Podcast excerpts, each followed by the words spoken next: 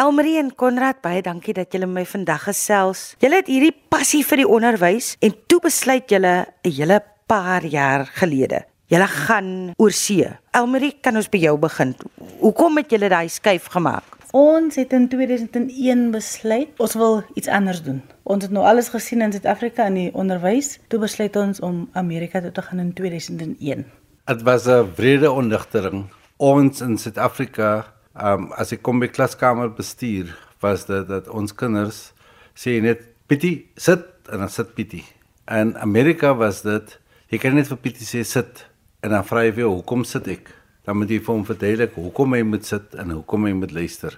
So klaskamer bestuur was iets wat ek nooit aangedink het wat ek moet aanpas in my klaskamer nie. Ek het net gedink ek moet nou net 'n les gee en dit net aanbied en my kinders luister. Maar klaskamer bestuur het vir my gewys dat is belangrik dat jy moet weet hoe om jou kinders te bestuur. Ek het dit 'n bietjie anders ervaar want ek het gewerk met kinders wat gesukkel het met lees. As jy hulle werk gee, dan kom die werk nie terug nie of hulle kan nie werk op hulle eie nie of hulle het nie die ondersteuning by die huis nie. So met die gevolg was dit maar nog 'n uitdaging en ek was nogal gruwelik verras met die idee dat jy dink nou Amerika, hulle is mos nog 'n bietjie verder gevorder, maar omdat ons in areas gewerk het waar die Amerikaanse onderwys nie regtig wou gewerk het nie. 95% van die kinders kry gratis etes. So met die gevolg is ouers wat nie werk nie, mamma en pappa is by mekaar, pappa is byvoorbeeld in die gevangenis. Hulle het middagete gekry by die skool en vir sommige van hulle was dit die laaste ete. So dan kom hulle nou weer môreoggend terug. So nou hoe kan ek nou verwag van die kindjie om nou nog te gaan huiswerk doen by die huis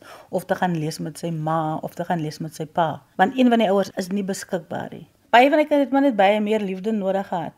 Na dit dan kon ek sien die vordering wat hulle gemaak het, maar dit was net dissipline. Die die beheer en die bestuur van die kinders, die, ek moes 'n goeie plan in plek gehad het om te sien dat as ek vandag dit doen, die rotine moet dieselfde wees hmm. omdat hulle nie rotine by huis gehad het nie. Ons hoofdoel van Amerika was dat ons gaan leer daar en dan wat ons geleer het daar gaan ons terugbring Suid-Afrika toe. Ons het geleer dat onderrig gaan nie net oor om inhoud oor te gee nie. Dit gaan oor om jou kinders te bestuur, jou kinders se agtergrond te ken en meer te weet van waar hulle vandaan kom, hoekom hulle sekere dinge doen op 'n sekere manier. Wat ons daar geleer het, wil ons vir ons kinders beter bevoeg het om hulle selfvertroue op te bou, om beter te vaar en meer ervaring te hê van leer. Maar toe Elmarie, toe beweeg jy na Qatar toe. Ja, ons was in Suid-Afrika. Ons het in 2004 teruggekom Suid-Afrika toe.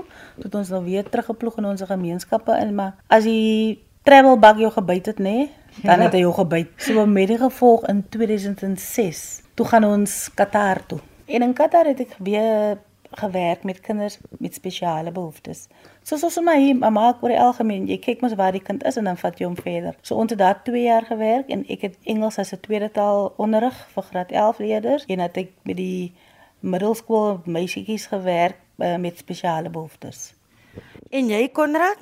Ek wil vir jou 'n spesifieke vraag vra oor Qatar, maar ek wil baie graag weet oor die leefstyl daar. Kyk, in Suid-Afrika het ek gewerk met die armste van die armste kinders wat sit saans met 'n kers en studeer. Daar het ek gewerk met die rykste van die rykste kinders. Ek het besef dat alle kinders is dieselfde. Hulle het dieselfde behoeftes. Hulle wil dieselfde hê en hulle wil basies net daai tipe aandag hê en liefde hê om vir hulle te laat glo in hulle self. Alles hulle hoe ryk en hulle ry almal die groot smart tipe van karre, maar hulle het nog steeds dieselfde behoeftes as my kinders in Suid-Afrika wat van die armste omstandighede kom. Maar sou jy nie ook dink op so 'n manier het jy te doen gehad met arrogansie nie onder leerders nie of is dit maar net vir ons wat van buite af dit dink omdat die mense soveel geld het. Ek dink as jou benadering, die respek wat jy toon aan 'n persoon en wys dat jy regtig daar is en nie wat jy gefokus is dat hulle net goeie punte moet kry nie, maar jy stel regtig belang in hom of haar as 'n persoon. As jy ingesteldheid wat jy het en ons die die ek en Konrad het altyd die idee of die gedagte dat in enige land waar ons werk, jy is 'n gas in die land. So met die gevolg is jy moet hulle kultuur, jy moet hulle goed respekteer. Ons moet by hulle reëls hou en ons moet hulle respekteer. So ek kan nie vir jou sê in soveel woorde dat ek enigsins arrogansie ervaar het nie, want 'n mens is 'n mens oral waar hy gaan. 'n Mens moet net mekaar respekteer. Waarmee het julle gesukkel? Wat was vir julle uitdagend in 'n land soos Qatar? Wat 'n uitdaging vir my was, was die Sondag tot Donderdag werk. Die dae van die week, dit was vir my 'n uitdaging en die versengende hitte. Maar um, goedjies byvoorbeeld 'n mens mis mos maar jou Mrs Balls chutney, jy mis mos maar jou Nola mayonnaise, maar jy kan mos 'n plaasvervanger kry. Aan die begin het ons so 'n goedjie saamgevat, maar daarna te besef was hoekom ons het tog gewoond geraak aan die goed wat daar beskikbaar is. Een belangrike ding wat 'n ouer eenaan vir ons gesê het dat kyk is 'n ander geloof, is 'n moslim kultuur en hy het vir ons laat besef dat daar 'n verskil tussen kultuur en die manier van hoe leerders optree. So ons moet nie die twee meng met mekaar nie. Moet nie net kinders vir jou sê dit is ons uh, kultuur nie, as hulle gedrag. So daardie tipe gedrag is universeel en moenie net jou geloof of jou kultuur daardie gedrag beïnvloed nie. As Boetie verkeerd doen, doen hy verkeerd en hy kan dit nie regverdig deur sy geloof of sy kultuur nie. Kinders se gedrag is universeel oor die wêreld en spreek sy gedrag in. Wat ek ook sal sê, as jy na 'n land toe gaan, doen jy huiswerk oor die land sodat jy nie te verbaas as jy daar inkom nie. Maak seker dat jy weet wat is die verwagtinge, wat is die wette voordat jy daar aankom. Mm. Jy het nou nog al 'n lang reis gehad. Kom ons begin by Abu Dhabi. Hoe beland jy toe in Abu Dhabi? Een van ons kollegas wat saam met ons in Qatar gewerk het, hy het in Abu Dhabi gaan werk en hy het vir ons vertel van die public-private partnership mm. wat die onderwysdepartement gehad het met sekere maatskappye wat hulle ook gedoen het was hulle wou die onderrig wil hulle bevorder in hulle land. Hulle wou uh, nuwe tendense begin het in 'n land ten opsigte van van opvoedkunde. En toe het ons aansoek gedoen vir die werk en dit is hoe ek beland het in 'n skool in 'n cycle 1 skool wat is dit is nou vir kinders van graad 1 tot 5. En ek het toe die onderwysers wat Engels opgevoed het, het ek ondersteun met klaskamerpraktyke sodat die kind die sentrale punt van die leer was. Ons het meer geleer dat die kind moet sentraal wees van sy eie leer. Sê met die 80 of 100 kinders wat ek het, kan ek net vir hulle bereik. Met die geleenthede wat ons gekry het in, in in Abu Dhabi was dit ons kan meer kinders bereik deur onderwysers te beïnvloed ten opsigte van om hierdie tipe van styl van leer te bevorder. Waar jy 'n groter impak het as net jou eie kinders wat jy onderrig in jou klas in. En dit is 'n bietjie selfsugtig as ek dit net doen vir my kinders. Wat van die ander kinders? So wat, wat ons daar gedoen het was hulle het besluit hulle wil hulle eie kurrikulum ontwikkel.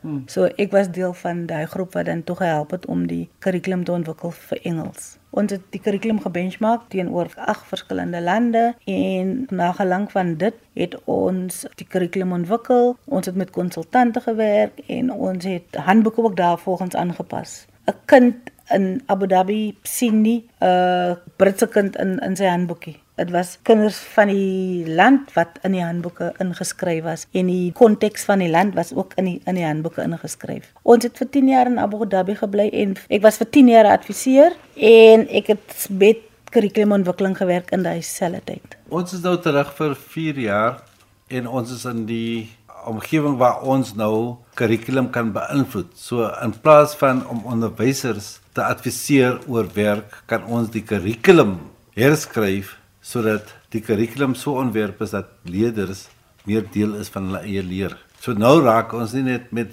die onderwysers aan wie ons werk nie, ons raak nou almal wat te doen het met daardie kurrikulum. Ek doen soortgelyk wat Konrad doen. Ons het teruggekom in 2018 en tot ons gewerk waar ons as um instructional coaches gewerk het in in 'n omgewing waar ons voorheen was in die Eerste Rivier omgewing het ons gewerk. In 2021 het ons begin by 'n maatskappy waar ons uh, die kurrikulum ontwikkel het. Ek het gedoen Engels vir graad 4 tot 6, ehm um, selfgerigte leer en jy kan sien hoe die kinders vorder want ek is nou weer aan die aan die ander kant waar ek terugvoering gee op die kinders se werk wat hulle doen. So die kurrikulum wat ek ontwikkel het, so nou kan ek sien wat werk en wat werk nie, maar oor die algemeen het, het ek nog net gesien dat die maniere hoe ek dit gedoen het as gevolg van die ervaring wat ek opgedoen het oor die jare. Dit werk nogal en dit is interessant om te sien hoe die kinders vordering maak. Ek is by wiskunde en kinders het gewoonlik 'n vrees vir wiskunde. Mm. En vir my is dit as jy iets doen wat jy geniet, dan voel dit jy leer nie.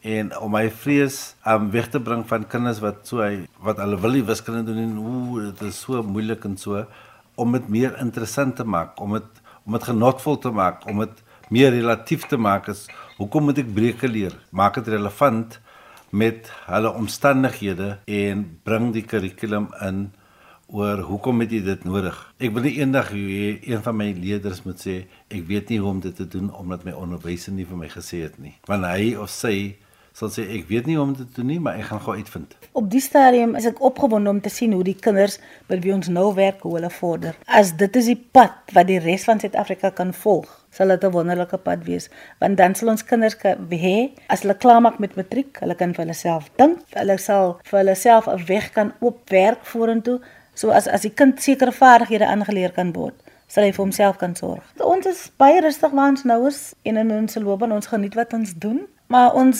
se dogter is getroud, sy woon oor see. So ja, en ons gaan eendag 'n klein kind hê, so nou gaan ons maar meer moet reis tussen die huis en hulle.